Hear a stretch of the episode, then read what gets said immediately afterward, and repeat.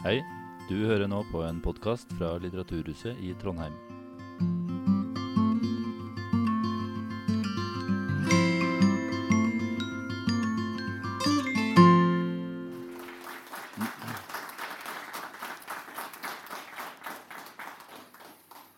Tusen takk. Et halvt år etter at store deler av samfunnet stengte ned i møte med koronapandemien, ser vi nå en økende skepsis over hele Europa mot de strenge tiltakene for å bekjempe viruset. I Norge har FHI uttrykt bekymring for at skepsisen skal øke også i Norge.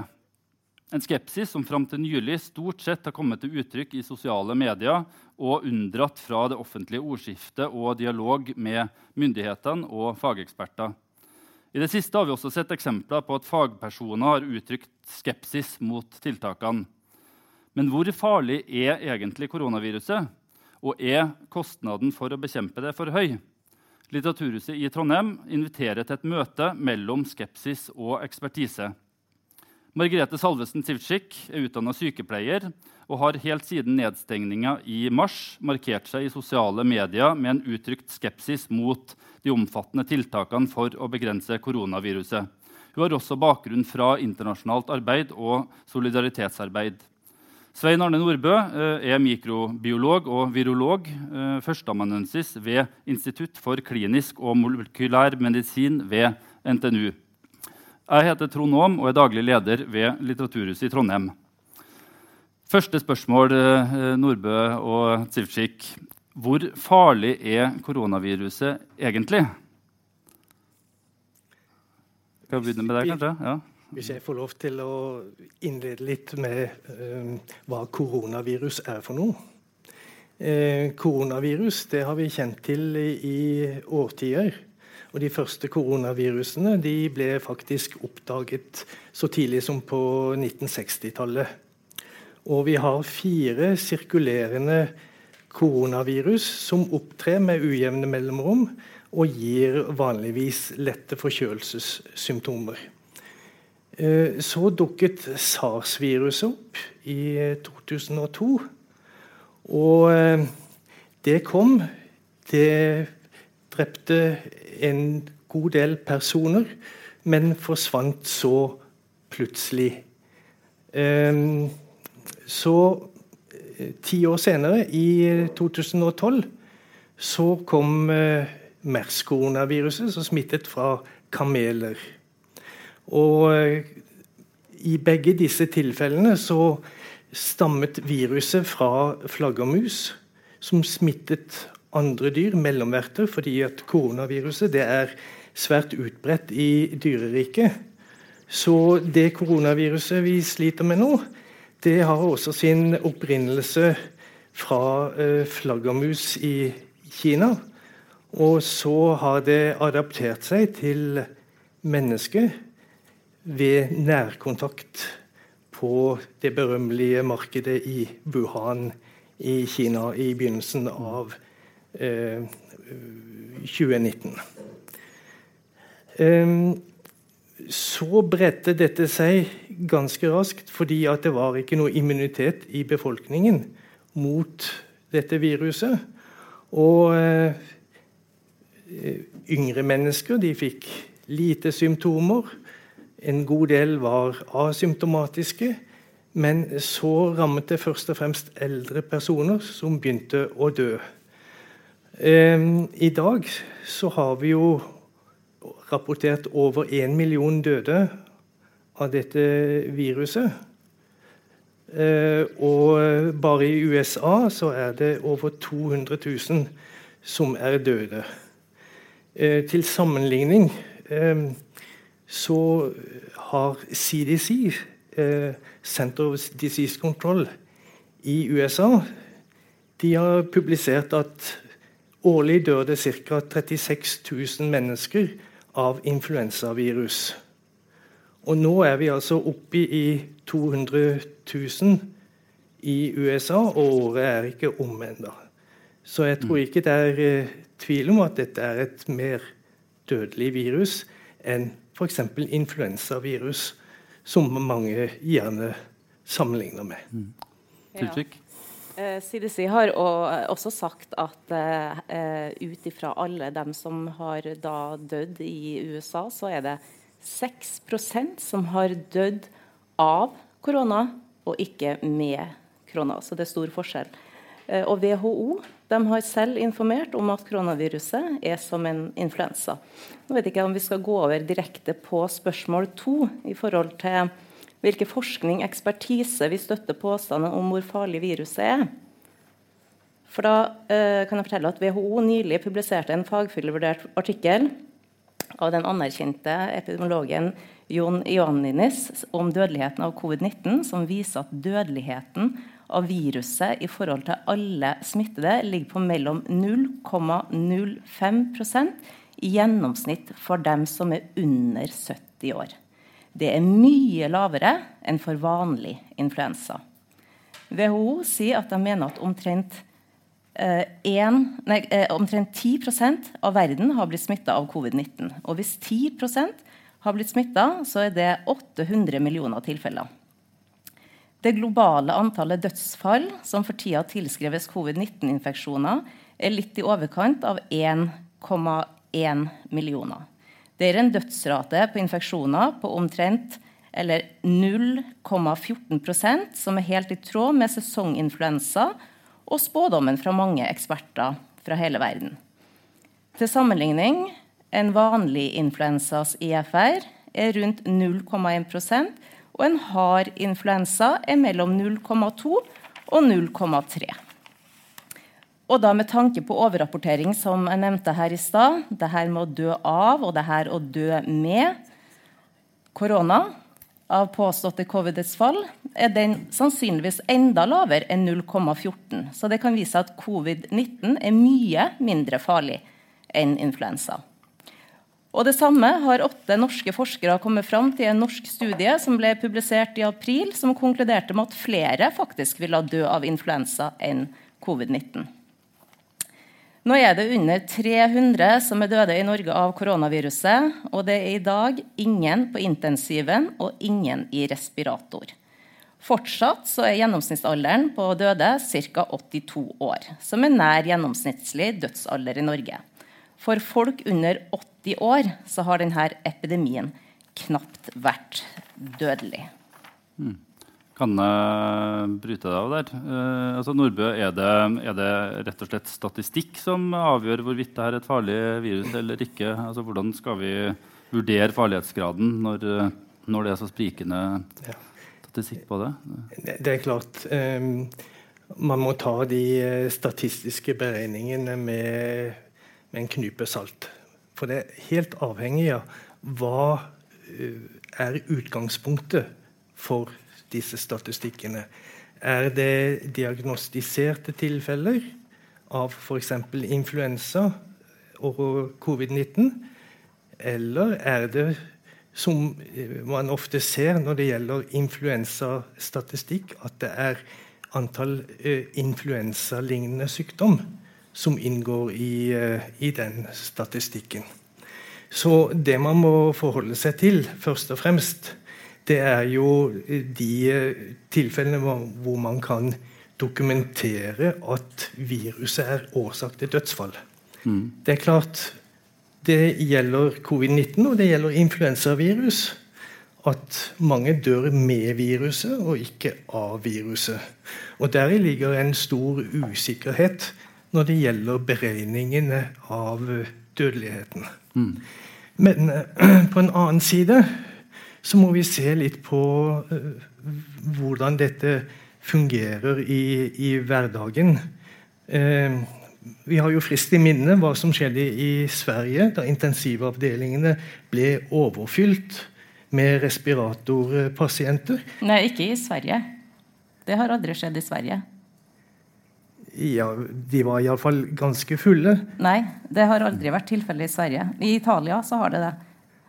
Ja, Men, Men har vi sett det med influensa? Ja, da kan jeg nevne et eksempel her. Eh, Halvor Næss, professor ved Klinisk institutt ved Universitetet i Bergen, eh, forteller om da han var avdelingsoverlege på medisinsk avdeling i Bergen og hadde det overordna medisinske ansvaret i 2000-2001. Da ble sykehuset over natta ramma av en influensaepidemi. og Gjennomsnittlig antall innleggelser i døgnet gikk da opp fra 15 til 25. På tre uker så ble 1000 pasienter innlagt på sykehus med influensa bare i Bergen. Influensaepidemien i Bergen i 2000-2001 varte bare i tre uker, og den er for lengst glemt av de fleste. Men den gikk over i historien uten ødeleggende langsiktige konsekvenser, slik strategien mot covid-19 allerede forårsaker.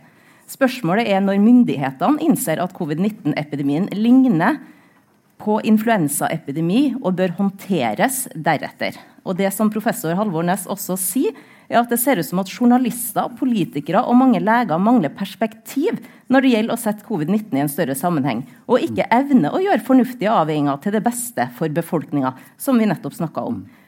Sentrale myndigheter var mer eller mindre uviten om epidemien, som ble håndtert på en kjempegod måte uten at den vakte oppsikt eller frykt blant Bergens befolkning i 2000 og 2001. Heller ikke media viste interesse for den den gangen. Nedstengninger eller karantene var det aldri snakk om, og alle virusinfeksjoner sprer seg til flokkimmunitet er etablert. Og nåværende brems- eller slå ned-strategi som regjeringa fører nå, det kan bare utsette flokkimmuniteten, forteller professor Halvornes. Hvor mange var det som døde? Ja, Har du tallet på det?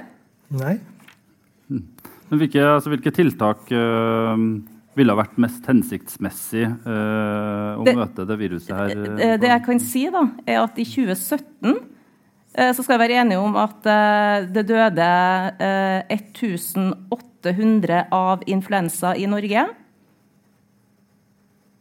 Ja, vet vi det med sikkerhet? Ja, vi vet vel det ut ifra de beregningene som blir gjort av Folkehelseinstituttet. Normal dødelighet er på 900 per år. I år har vi da i underkant av 300. Så hvis vi ser på Bergen i 2000-2001 med så mange innlagt på intensiven som de klarte eh, å håndtere på bakgrunn av at de klarte å gi en sterk antibiotika, klarte å omdisponere sykehels, eh, sykehuspersonalet, så klarte man altså å håndtere en slik eh, influensaepidemi. Og hvis vi tenker på at 1800 døde av influensa i 2017, og at vi i 2020 har et covid-dødstall på under 300 med en gjennomsnittsalder på 82 år, så må vi jo spørre oss hva er det vi holder på med? Det vi holder, på med, det er jo eh, håndtering av smitten.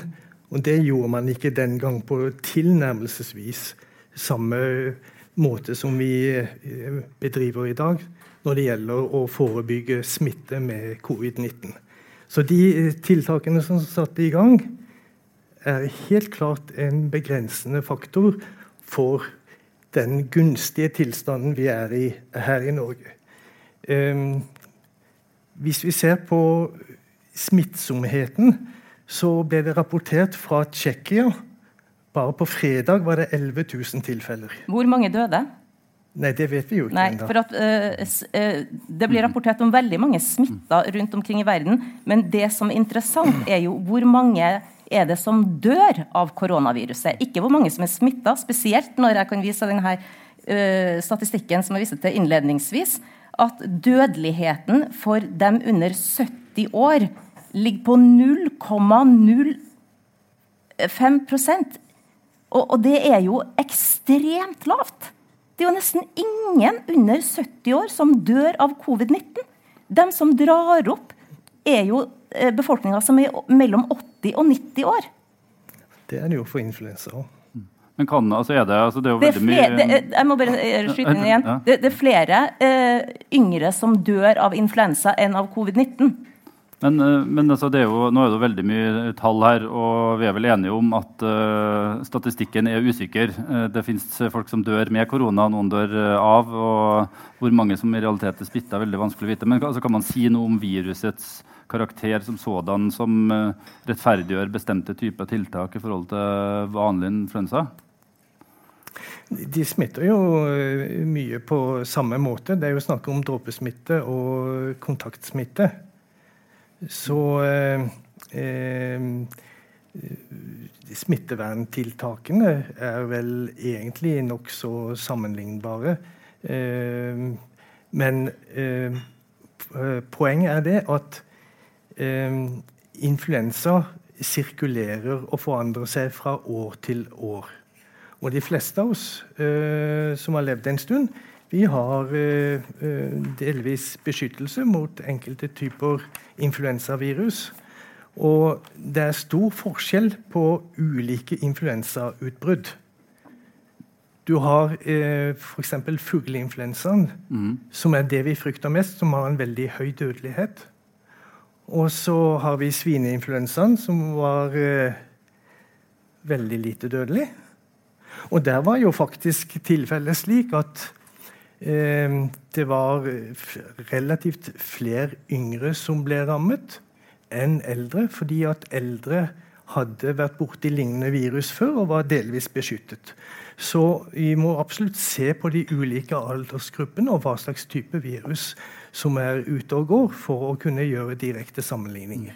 Men uh, altså, Hvordan mener dere at den mest hensiktsmessige måten å, å bekjempe koronaviruset vil, uh, vil være? Det, kan du ta det først? da? Ja.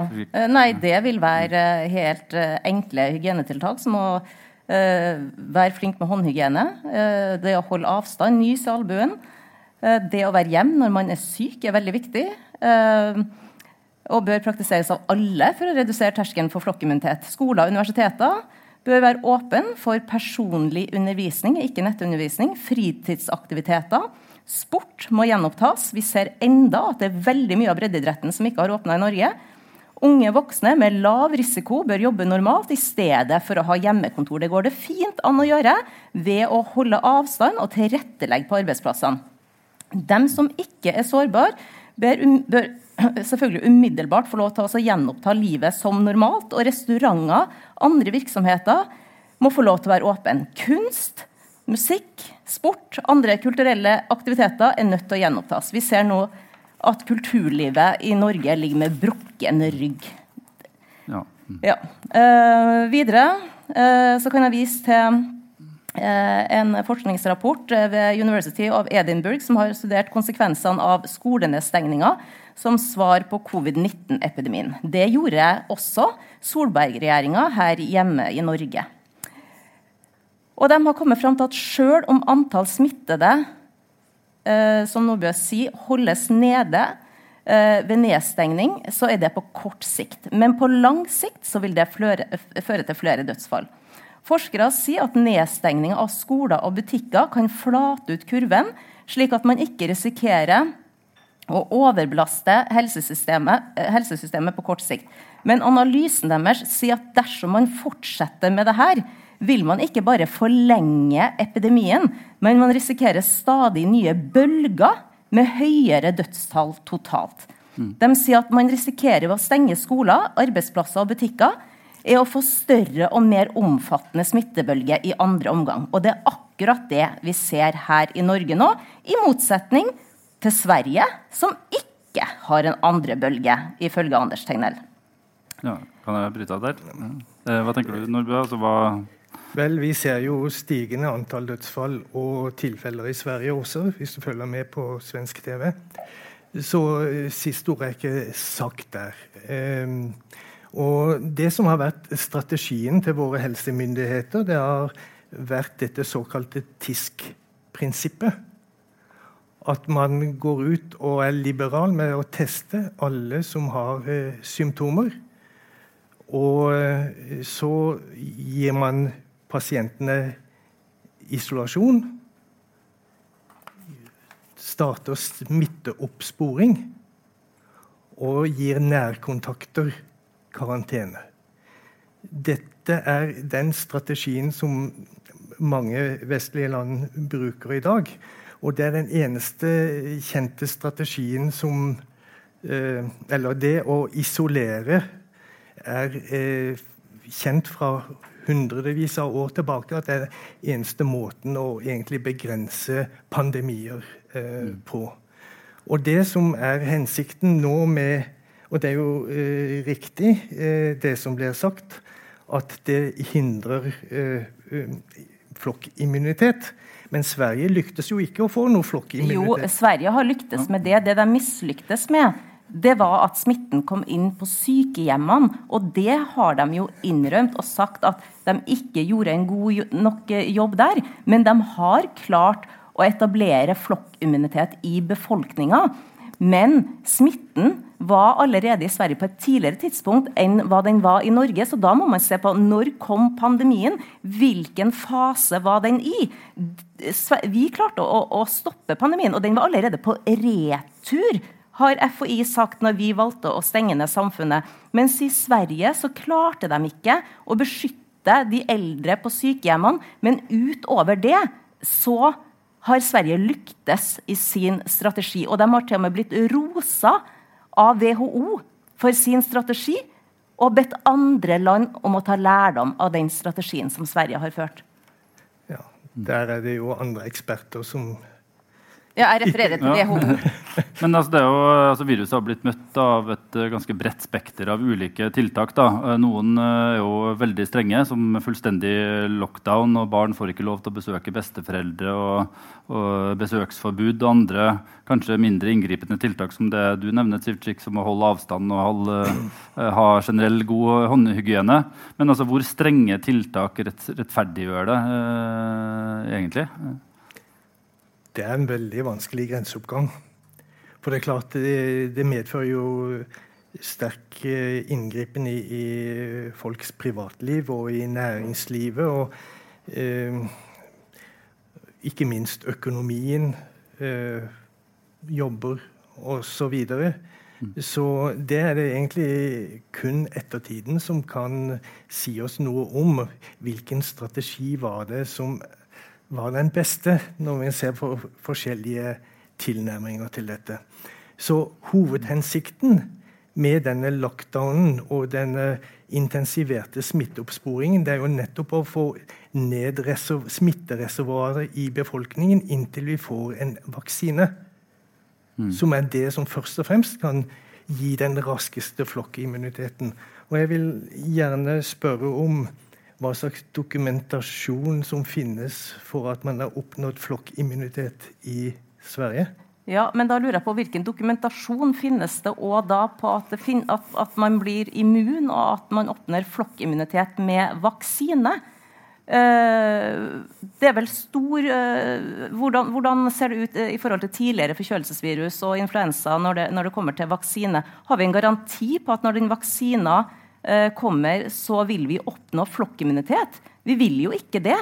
Men det vi ser, er jo at smitten er mye mindre i Sverige. Det er den laveste smitten i hele Europa. Og noe vil jo da tyde på at de har oppnådd flokkimmunitet, siden de har av det, det laveste smitteantallet i hele Europa. Nei, jeg forstår ikke riktig hvor du har den informasjonen fra. Nei, Den informasjonen den har jeg fra Anders Tegnell. Men uh, jeg vil gjerne tilbake til spørsmålet Trond, som ja. du stilte. Uh, og jeg mm. tenker at Selvfølgelig så kan vi vedta tiltak for å, å, beskytte de utsatte. Det er ikke noe vi skal sitte og vente på og ta en oppsummering på når vi er ferdig med pandemien. Her bør det sentrale spørsmålet uh, for helsemessige tiltak på covid-19 være et eksempel. da.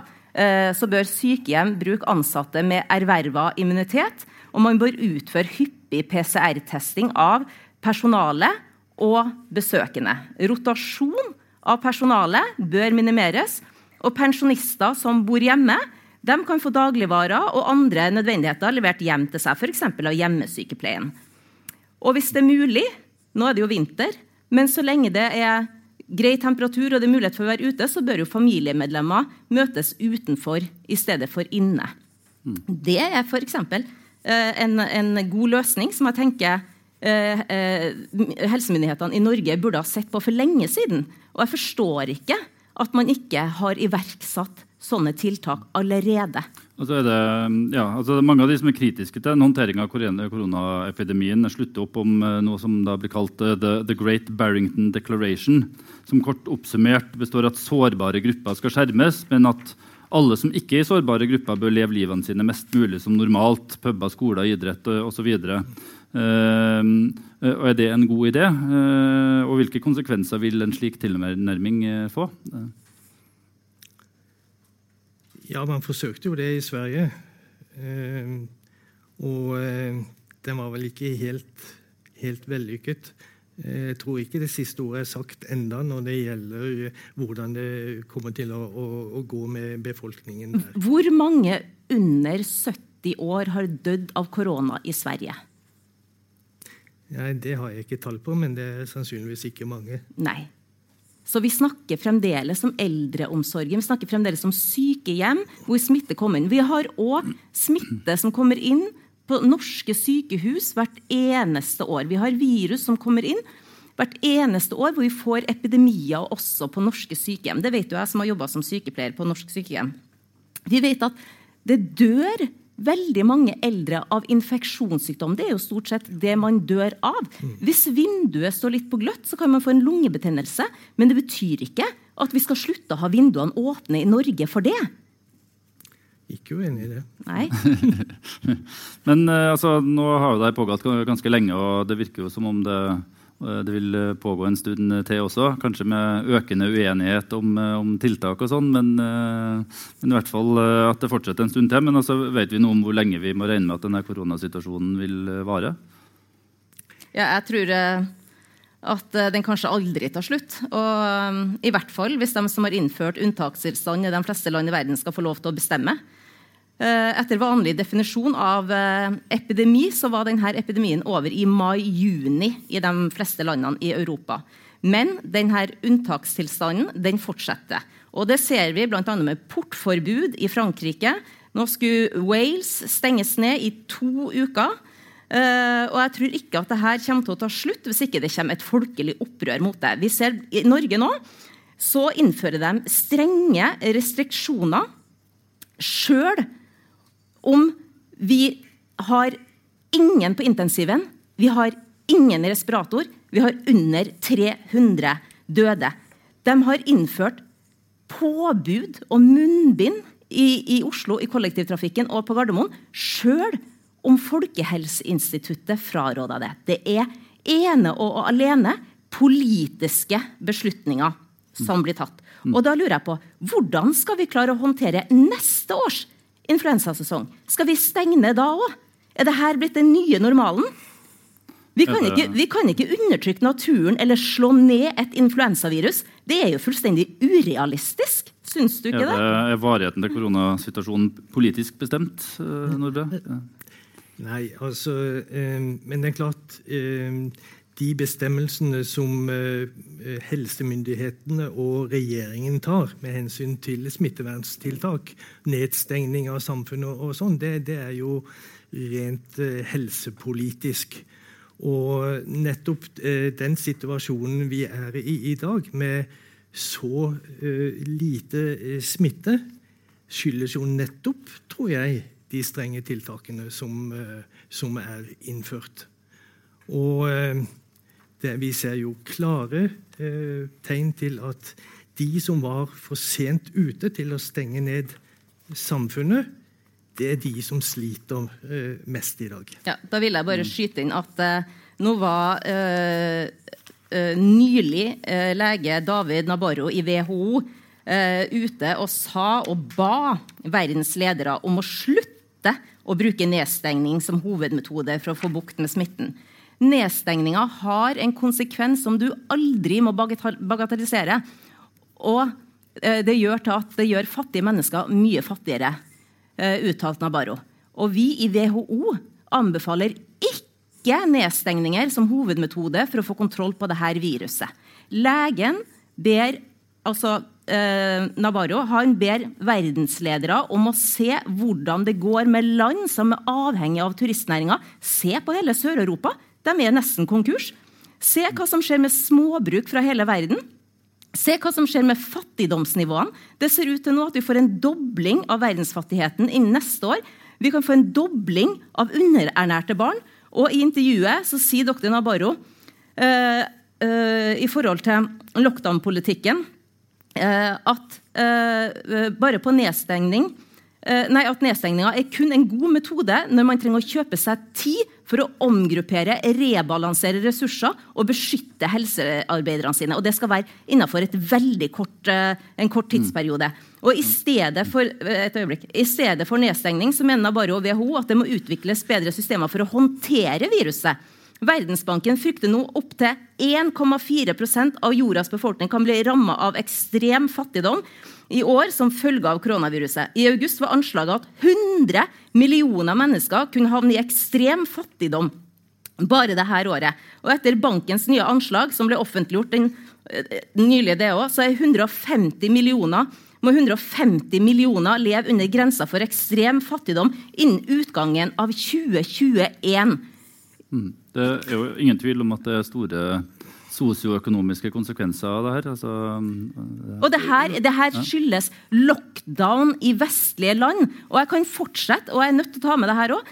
At lockdown-politikken har allerede fått en voldsom økning i tallet på malaria, tuberkuloseoffer. En analyse som er publisert, anslår at tre måneder lockdown Eh, fulgt av ti måneders gradvis normalisering kan føre til at 6,3 millioner flere tuberkulosesmittede og 1,4 millioner flere dødsfall. Altså Dette er enorme tall. Vi kan jo ikke sitte her på øya Norge og med Netflixen vår og dopapiret og tro at dette ikke rammer resten av verden. Nei, altså eh, Det at man skulle få sånn økning av malaria og tuberkulose hvis man går til lockdown, det høres helt irrasjonelt ut. FN sitt matvareprogram har stoppa opp. Det er millioner, over 100 millioner barn som ikke får mat, og vaksineprogrammene har stoppa fullstendig opp pga. lockdown. Men én ting kan vi være enige om, at lockdown det er siste utvei, egentlig. Og det er noe man for all del vil prøve å unngå. Og, eh, så Derfor syns jeg jo nettopp at den strategien som Helsedirektoratet har lagt opp til, med utpreget eller hyppig testing, sporing, isolasjon Hvorfor skal vi isolere eh, friske mennesker? Hvorfor skal vi drive på med denne hyppige testinga? FHI gikk ut og sa tidlig i pandemien at vi ikke skulle teste hyppig fordi nett at så mange friske mennesker sitter i karantene? Hva med barn? Hva med ungdom som går på, på, på barneskole, ungdomsskole, videregående skole? Hvis én blir testa for korona og, og tester positivt, så må hele skolen, altså tusenvis av barn i Norge, ha blitt satt i karantene. Så sitter de da ti dager isolert uten å få lov til å være sosial med vennene sine. Så kommer de tilbake på skolen, så går det kanskje to uker, så blir enda en smitta, så er det tilbake ti dager. Hvordan påvirker det her ungene våre? Hvordan påvirker det det, det, psykososiale, hvordan påvirker det oss voksne mennesker å aldri vite aldri ha noe forutsigbarhet på hva som vil skje i morgen? Og hvor lenge skal det fortsette? Hvor lenge skal vi torturere ungene våre på den måten her? Hvor lenge skal de ikke få lov til å drive på med idrett? Hvor lenge skal de ikke få lov til å, å, å, å vite at, at, de kan dra på et stevne? Hvor lenge skal de uh, gå rundt og aldri vite om de får lov til å feire bursdagen sin? Altså, det her er friske folk som ikke blir syke. Hvor lenge skal vi holde på? Gjennomsnittsalderen er 82 år. Det er under 300 døde i Norge. Ehm, hvordan vil du forhindre at viruset smitter, da? Med vanlige, vanlige smitteverntiltak som håndhygiene, holde avstand. Risikogruppene er faktisk nødt til å kunne håndtere en pandemi. Det samme gjelder jo allergikere. Vi slutter jo ikke å selge peanøtter sjøl om noen har nøtteallergi. Altså, Vi er nødt til å ta ansvar for egen helse. Allergikere gjør det hvert eneste år. Og det samme må eldre, det samme må dem som har dårlig immunforsvar. Er du under behandling eller du har kreft og du har et svakt immunforsvar, så tar du forhåndsregler. Du er nødt til å beskytte deg sjøl, og det har vi gjort til alle tider. Dette er et gigantisk eksperiment, det som vi foretar oss nå. Det har aldri noensinne skjedd i menneskeheten at vi har stengt ned økonomien i alle verdens land. Det som skjer, er at vi krasjer hele verdensøkonomien. De fattigere blir fattigere. De tolv rikeste har blitt 40% rikere. Hvor er det vi er på vei hen? Ja, Nordbø, hvor, lenge har vi råd til å holde på med, med de strenge smitteverntiltakene? Nei, Det er eh, begrenset hvor, hvor lenge man kan uh, holde på. Men uh, man kan kanskje ha en smule tålmodighet til man får vaksine på, på banen. Og det, det jeg har lyst til å forfølge litt dette med vaksine.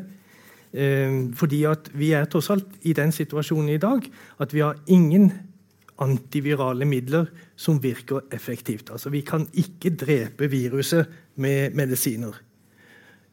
Um, og uh, Sånn at vi står egentlig på bar bakke der inntil vi får vaksine som vi vet og håper kan hjelpe betydelig på smitteutbredningen.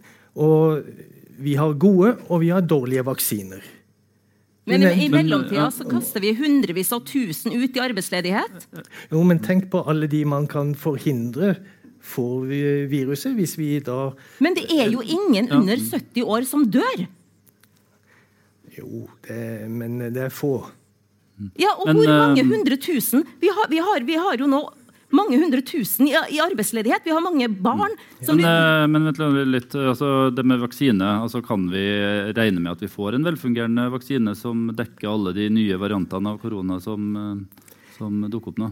Eh, Sånn som det ser ut i dag, så har vi altså et eh, virus som det finnes mange forskjellige varianter av.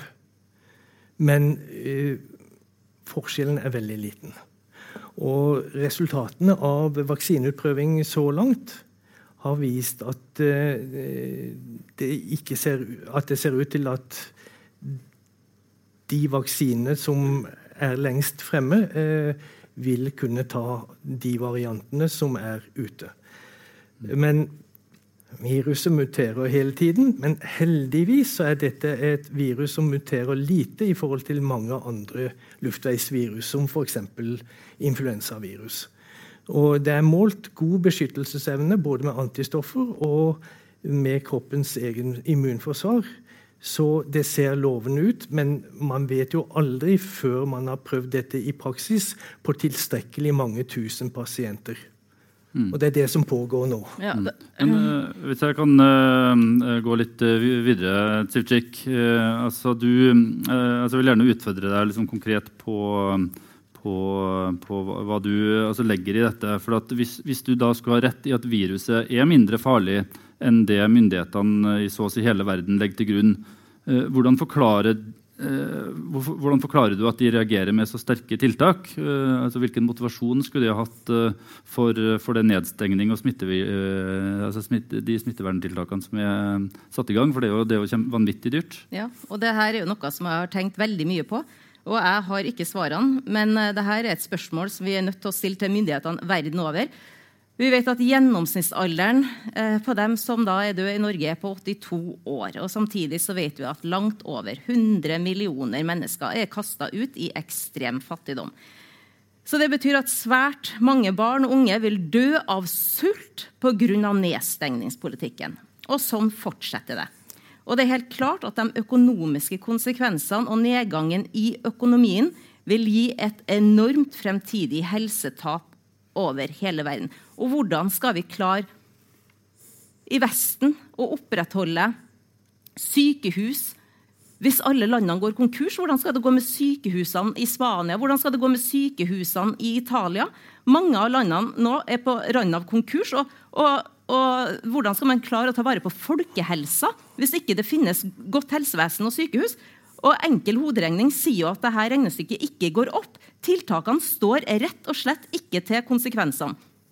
Tenk hvis vi kunne ha brukt alle de her milliardene som koronakrisa har kosta på forskning og behandling av kreft. Eller vi kunne ha gitt mennesker med alvorlige psykiske lidelser et bedre behandlingstilbud.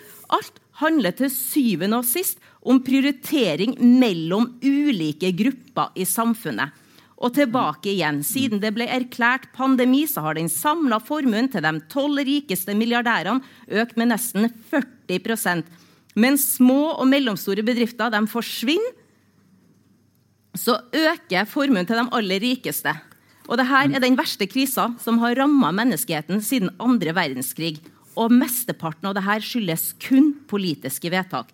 Og for første gang Men ja, hvis jeg kan Ja. eh, bryte inn, da. Uh, altså det, er jo, eh, det er jo politiske beslutninger som er gjort uh, i samråd med ja, helsevernmyndigheter. på bakgrunn av en rapport, og det var rapporten til professor Ferguson som ble publisert fra Imperial College 26.3.2020. Og der het det at dersom man ikke gjorde noe tiltak, så ville 40 millioner mennesker dø. Men hvis man gjennomførte politikken med nedstenging og sosial distansering, så ville man kunne redusere antallet til 10 millioner. De her tallene har vist seg å være totalt ute av proporsjoner med det som virkelig har skjedd. Og professor Fergusons modellering det er ikke første, altså den var ikke engang fagfellevurdert før den ble brukt av flere nasjoner, bl.a. Norge. Og det er den som Gullvåg refererer til når han regner utregning på hva som ville ha skjedd mm. hvis vi ikke hadde stengt ned. Og det er mulig at kanskje Nordbø òg eh, regner ut ifra denne rapporten, som var fullstendig feilslått. Og det som er så merkelig, er jo at mm. professor Ferguson han har en lang historie med elendig modellering. Han tok helt feil med SARS, med MERS, med kugalskap og med svineinfluensa. Og hvorfor hører verdens ledere på han igjen? Ja, ja, men altså, det, altså, Spørsmålet her er jo egentlig altså, altså, Politikerne fatter jo beslutninger i tråd med, med, det de oppfatter er helsemyndighetenes råd, veid opp imot nei, andre hensyn. Ja, nei, nei, ikke jo, Norge. Nei, men vent, vent, vent, litt. Uh, og da, altså, Det er jo vanvittig dyrt. Alle ser jo at det har uh, vanvittige sosioøkonomiske kostnader. Så hvilken interesse skulle politikerne ha hatt i å innføre de tiltakene hvis den eneste konsekvensen er massiv, eh, massiv, ødeleggelse og større sosiale forskjeller, og bare de uh, ytterst få blir rikere. Ja, nå, nå, må jeg bare skyte inn at uh, regjeringa i Norge hørte ikke på Folkehelseinstituttet 12. mars, når det var snakk om å stenge samfunnet. FHI anbefalte aldri det. I Danmark ser vi det samme. De vil heller ikke fortelle hvem det var som bestemte nedstengninga. Helsemyndighetene i Danmark har jo gått ut og sagt at de fraråda det på det sterkeste. Så, så hva som er, er, bakgrunnen for den politikken, det er vi jo nødt til å begynne å spørre oss. Og så må kanskje noen begynne å svare på det her. For det vi vet, det er det at regjeringa her i Norge eh, har eh, eh, Et øyeblikk, skal vi se. De har kommet med et forslag til Justis- og beredskapsdepartementet så har de kommet med et forslag om at de ønsker at koronakommisjonens taushetsplikt skal gjelde i 100 år.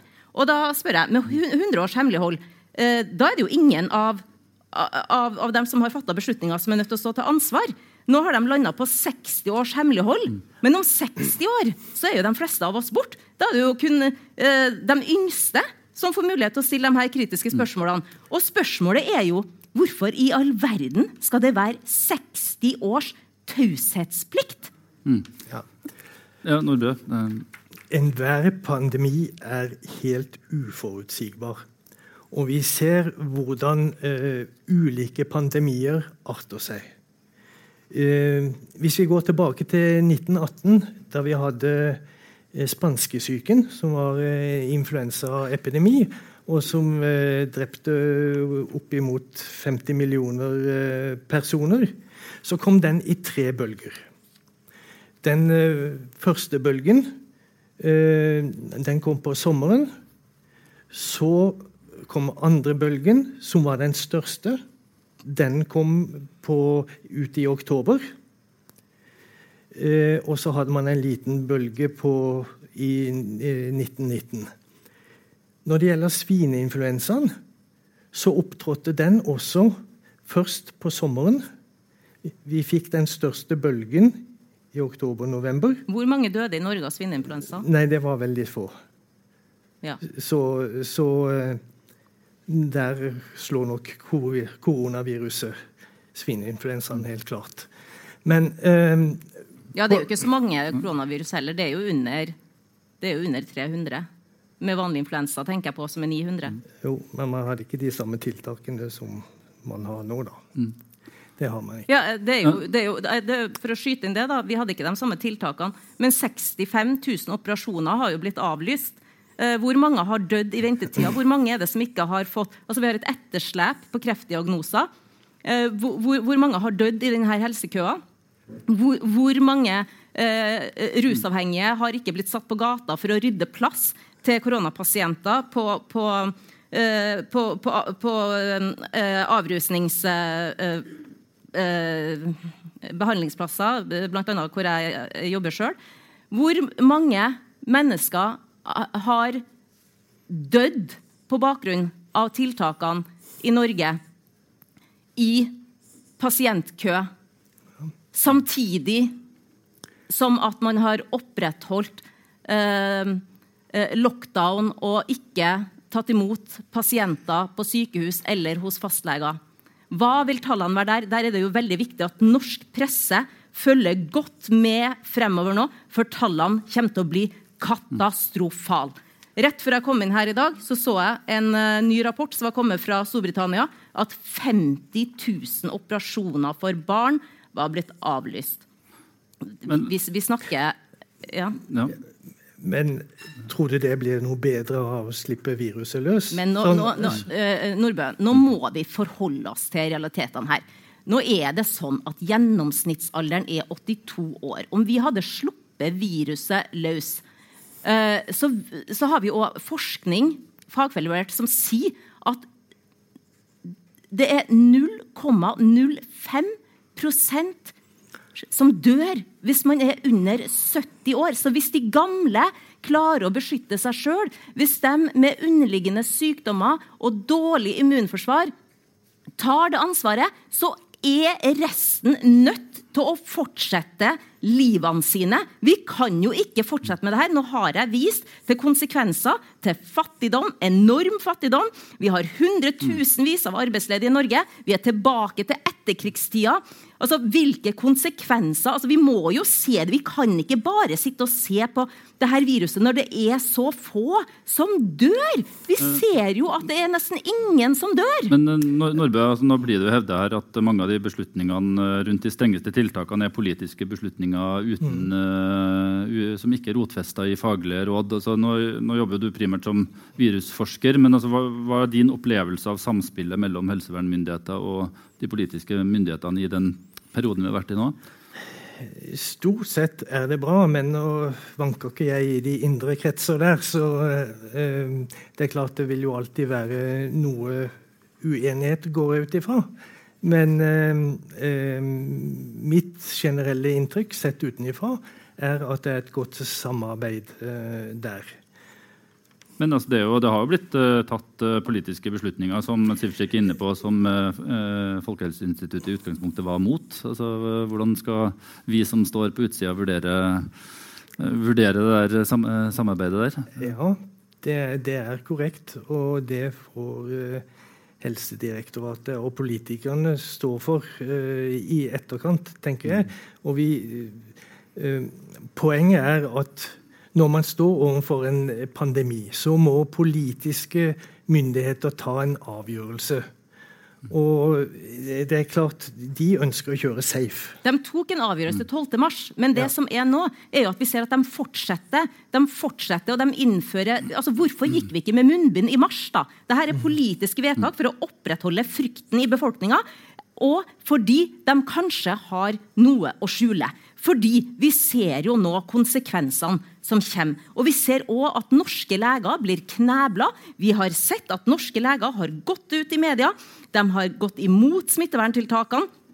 Og de har fått beskjed eller de har ikke fått beskjed, men, men Nakstad har gått ut og sagt at han syns det er skuffende. Han synes, Nakstad syns at det er skuffende hvis norske leger eller eh, sykepleiere går ut og sier noe annet enn det som Helsedirektoratet har bestemt. Og vi vet jo allerede at Helsedirektoratet og FHI har hatt mange, mange uenigheter. Mm. Men altså, nå sier du jo uh, rett ut at politikerne opprettholder tiltakene for å holde fast i frykten, og for at de har noe å skjule. Uh, altså, Nei, ikke for å, altså, for å, ha noe å skjule. Altså, de, de, kan ikke skjule det lenger. Vi ser jo at det står hundretusenvis i Nav-kø. Det er ganske åpenbart. Mm. Men vi, det er nå engang slik at både pasientene på sykehus og de eldre de blir stelt av yngre mennesker. Så får du en større smittespredning blant yngre mennesker. Kanskje som vi ser at mange ikke har noe særlig symptomer, så vil smittepresset på risikogruppen også bli større. Men at hundretusenvis av barn kommer til å dø av sult, det spiller da altså ingen rolle? Er det sånn å forstå?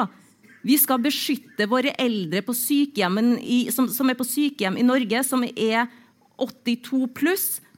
Og så skal vi bo på øya vår Norge. Og så skal vi ikke bry oss om at FN sitt matvareprogram stopper opp, og at vaksineprogrammene stopper opp. Vi skal ikke bry oss om det. Vi skal ikke bry oss om våre egne barn, ungdommer, framtidsutsikter, jobbene våre. Uh, vi skal ikke bry oss om noe sånn. Vi skal bare passe på å holde samfunnet stengt nede, sånn at ingen på 82 pluss dør. Det er vel ikke det som er uh... Ja, det er jo det. Det er jo nettopp det det er.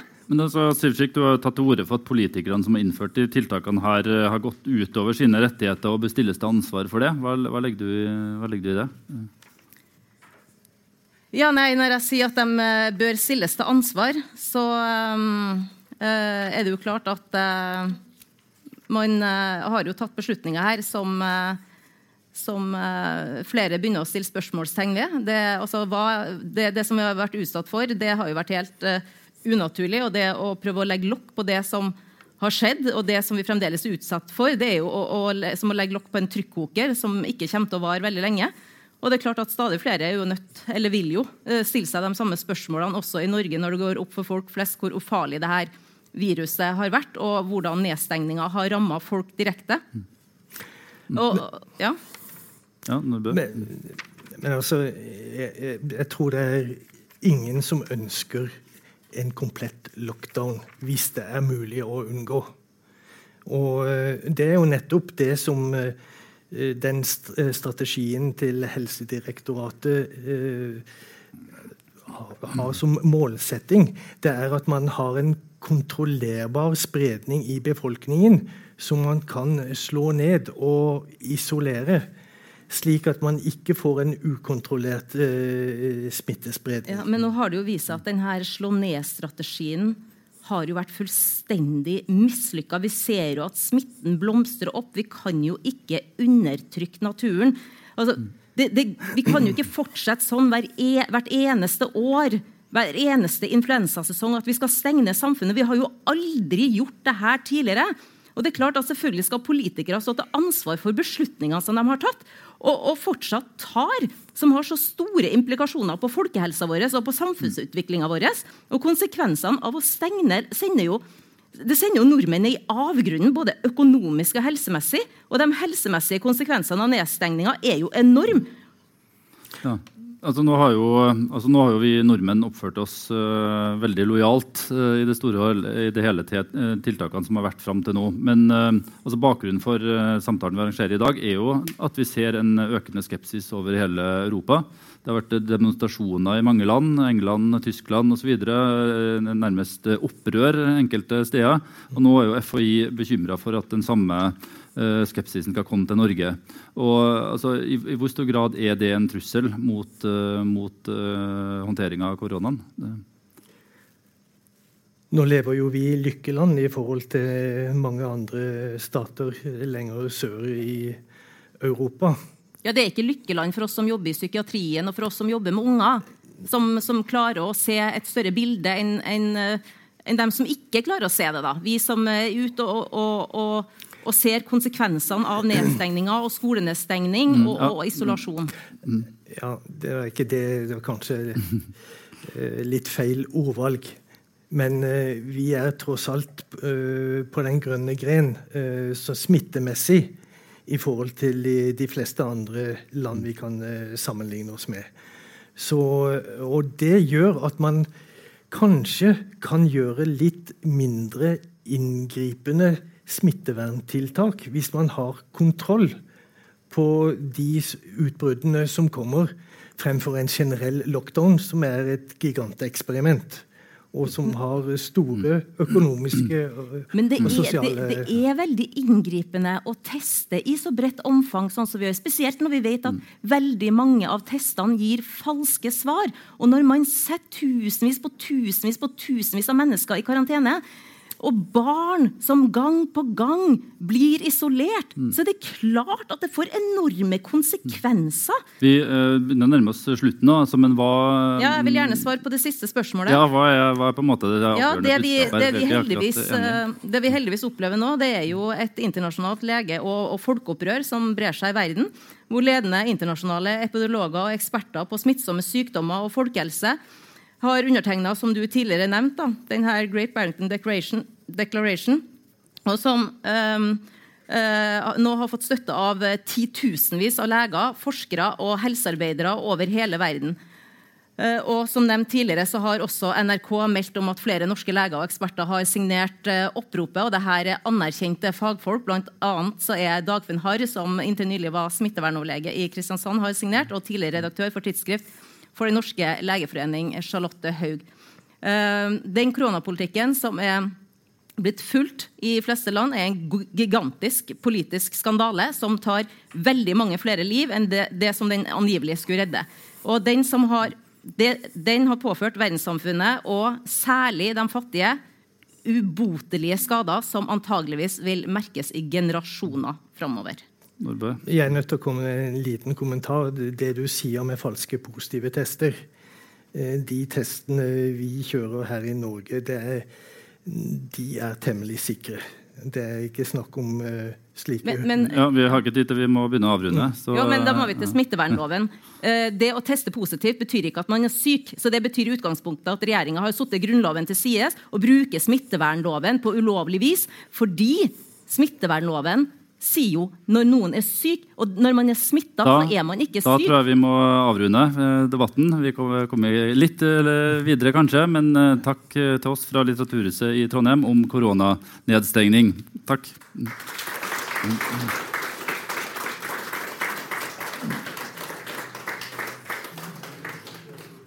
Tusen takk, eh, alle sammen. Vi kom oss gjennom den der. Da tar vi, eh, da tar vi ti minutter pause, og så tar vi en eh, runde hvor vi kan fortsette samtalen og åpne for spørsmål fra salen etterpå. Jeg tror vi kan begynne igjen, hvis, hvis alle er klar for det. Klokka er kvart på ni, så, så vi kan jo holde på en liten stund. Som sagt så åpner vi for spørsmål, innspill fra salen. Eh, nå er jo situasjonen den at vi pga. koronahåndteringa ikke har anledning til å sende rundt mikrofon, så derfor må dere stille spørsmålene muntlig, og så kan jeg gjenta dem da, eh, her opp fra panelet. Skal vi prøve på det. Eh, så det er egentlig bare å tegne seg, så skal jeg prøve å følge med så, så godt jeg kan. Men altså, vi kan jo begynne, begynne litt med, med altså et, sp et, spørsmål her som vi har brent uh, inne med. og det er jo, altså Nå har vi snakka mye om uh, dødelighet og, og smitte, men vi har ikke snakka om andre eh, konsekvenser eller andre effekter av, eh, av, korona, nemlig det såkalte long covid. At man eh, har andre eh, helseplager som, eh, som, man ikke blir kvitt etterpå. Så, eh, og, og, hva vet vi egentlig om, om det i dag? Ja. det er gjort forskjellige undersøkelser som uh, tyder på at uh, følgetilstanden av en uh, covid-19-infeksjon er undervurdert. mange har problemer i måneder etter at de har vært akutt syk. Det dreier seg om langvarig utbrenthet, depresjoner. Det dreier seg om ledd- og muskelsmerter, pusteproblemer, tap av lukt- og smakssans osv. Så, videre. så eh, det er jo også noe man må ta med i, i regnskapet. Og det er eh, følgetilstander som f.eks. ikke er så eh, utpreget ved influensa. Nei. Men ved kyssesyke så er det det. Uh, det er uh, har vært altfor lite tid på å forske på senskadene, som alle snakker om nå. For det foreligger ikke noe forskning på det. Nå var det noen forskere på Oslo universitetssykehus som har starta forskninga, og som har sagt at det som har blitt underkommunisert, er hvilke skadevirkninger eh, langtids... Eh, eh, altså senskadene til influensa har, som, som er, eh, har vært eh, ganske alvorlig i enkelte tilfeller, men som det aldri har blitt snakka om tidligere. Og det samme vet vi med andre virus, som ja, øh, Som jeg nevnte i stad, øh, i, i, forhold til um, kyssesyken. Øh, vi har sett at flere som har ligget i respirator, tidligere har fått senskader. Og vi vet også at spesielt i USA så har det kommet eh, informasjon om at eh, flere var lagt I stedet for å få oksygenbehandling, så var flere covid-pasienter lagt i, i respirator, som faktisk tok livet av pasientene. Og det samme har skjedd i Italia. Og veldig mange lurer på hvorfor var det så mange som døde i Italia. Eh, se på Italia, se på Italia. Vi kunne ha fått det sånn som Italia i Norge. Og det sier jo faktisk Gullvåg og Nakstad òg. Og det er jo ganske utrolig med tanke på eh, det som jeg viste til tidligere, det her estimatet av 40 millioner døde, som viste seg å være helt ute av proporsjoner. Eh, og, og, det som skjedde i Italia, det har også flere leger eh, eh, dokumentert og fortalt bakgrunnen for hvorfor det skjedde. Og det var flere årsaker til det. Det var bl.a. antibiotikaresistens, at det er mye mer ukritisk bruk av antibiotika i Sør-Europa. Vi snakker om demografi, vi snakker om familiestruktur. At eldre bor sammen med storfamilie, hvor vi vet at, at, det er mye smitte innad i familien. Vi snakker om et nedbygd helsevesen, privatisering. Eh, sykehuspasienter, eldre sykehuspasienter, som da for øvrig i Italia har den eldste befolkninga i verden, sammen med Japan, ble overført til sykehjem, hvor de da døde av andre infeksjoner, og noen også av covid-19. Men det her var bare i enkelte provinser i Italia. Det var ikke hele Italia. Så det som skjedde i Italia, ville aldri ha skjedd i Norge. Men altså, Hva vet vi om, eh, om de der følgeskadene? Er det, er det annerledes med, med, covid enn med andre influensa? Eh, ja, tilsynelatende er det det. Og eh, der trenger vi mer forskning. Det er en italiensk publikasjon som nevner at av de som var innlagt på sykehuset, så var det 87% som strevde med ettervirkninger etter to måneder. Mm. Men hvis du er over 80 år og får en, en kraftig infeksjonssykdom, så er det klart at hvis du da klarer å recover fra det, så er det klart at det kan komme en del senvirkninger i, i mm. ettertid. Og noen blir aldri, men, men, også frisk. Unge har fått senvirkninger av, uh, av, koronaviruset? Har det det? Ja da. Det, ja vel, Hvor mange, og hvor står det dokumentert? Hvilken forskningsartikkel er det?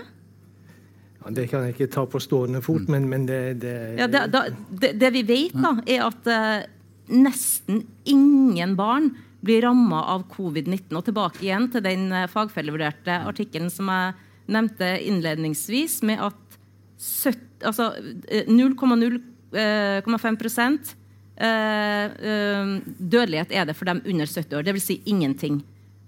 Og når det kommer til barn, hva er det vi snakker om da? Snakker vi barn med et veldig svekka immunforsvar, som i utgangspunktet skulle vært skjerma. Det er klart at hvis du, hvis du er barn og, og, og har en underliggende alvorlig sykdom, eller at du, du eh, eh, holder på med cellegift og kemoterapi, så er det klart at da er man nødt til å beskytte seg sjøl.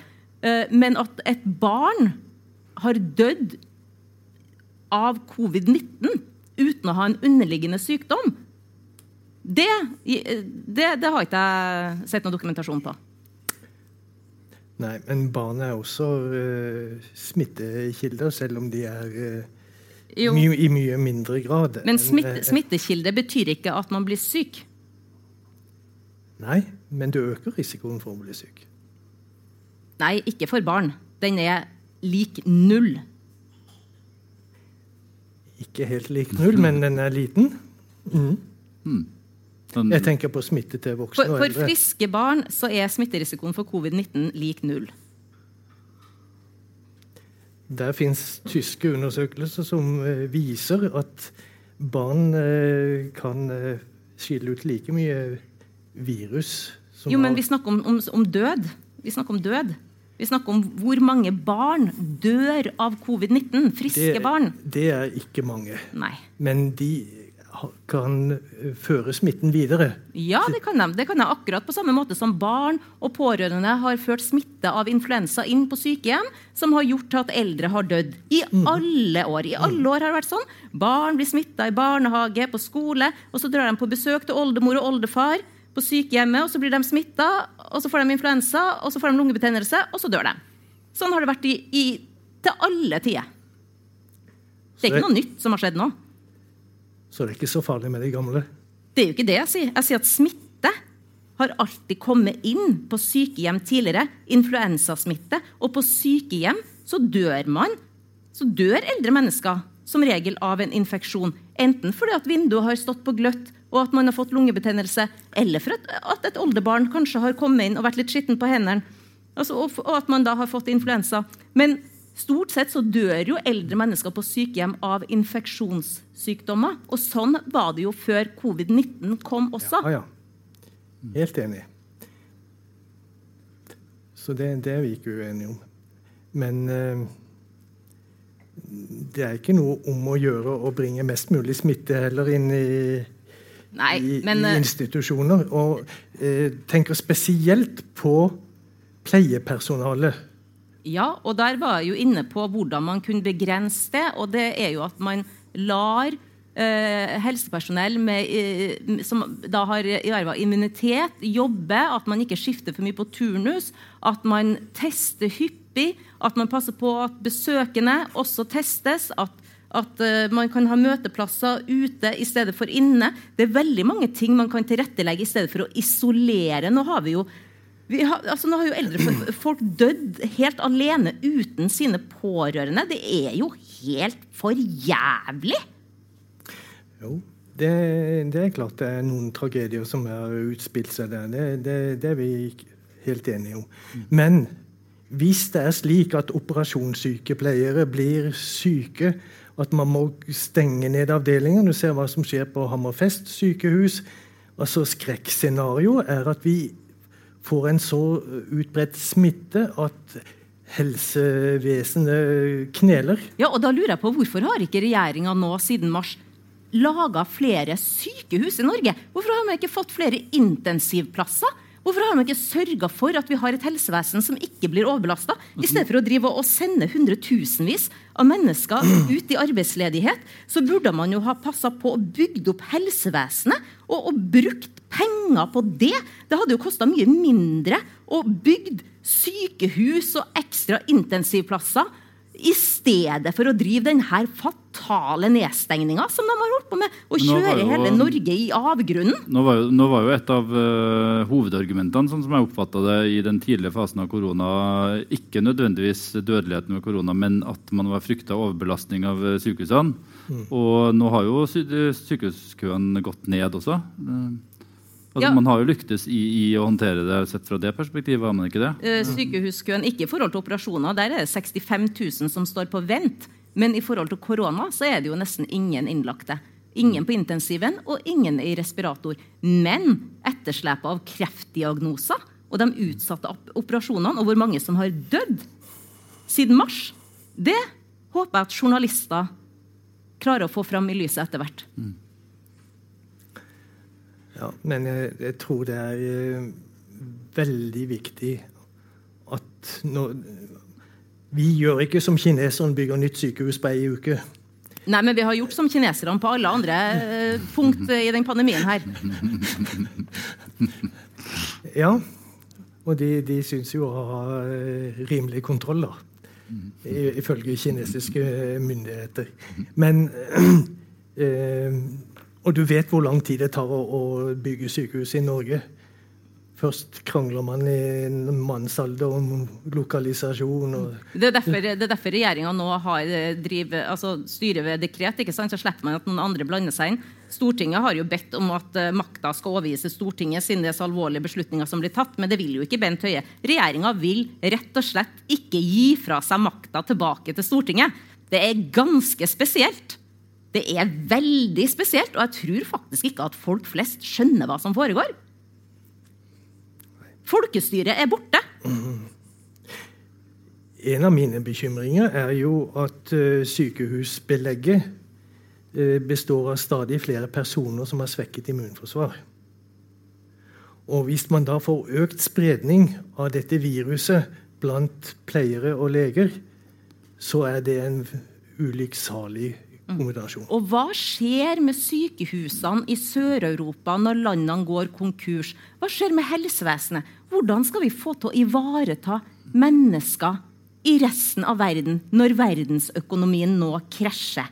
Hva skjer med sykehusene i Italia, i Spania, når de går konkurs? Hvordan skal, vi få til, hvordan skal de klare å opprettholde et godt helsevesen når, når økonomien har brista? Mm. Ja. Det er eh, en umulighet. Ja. Mm. Jeg har ikke sett at noen har tegna seg her, så jeg føler meg litt frista til kanskje å avslutte samtalen på en enighet. Ja. Er dere ikke enige i det?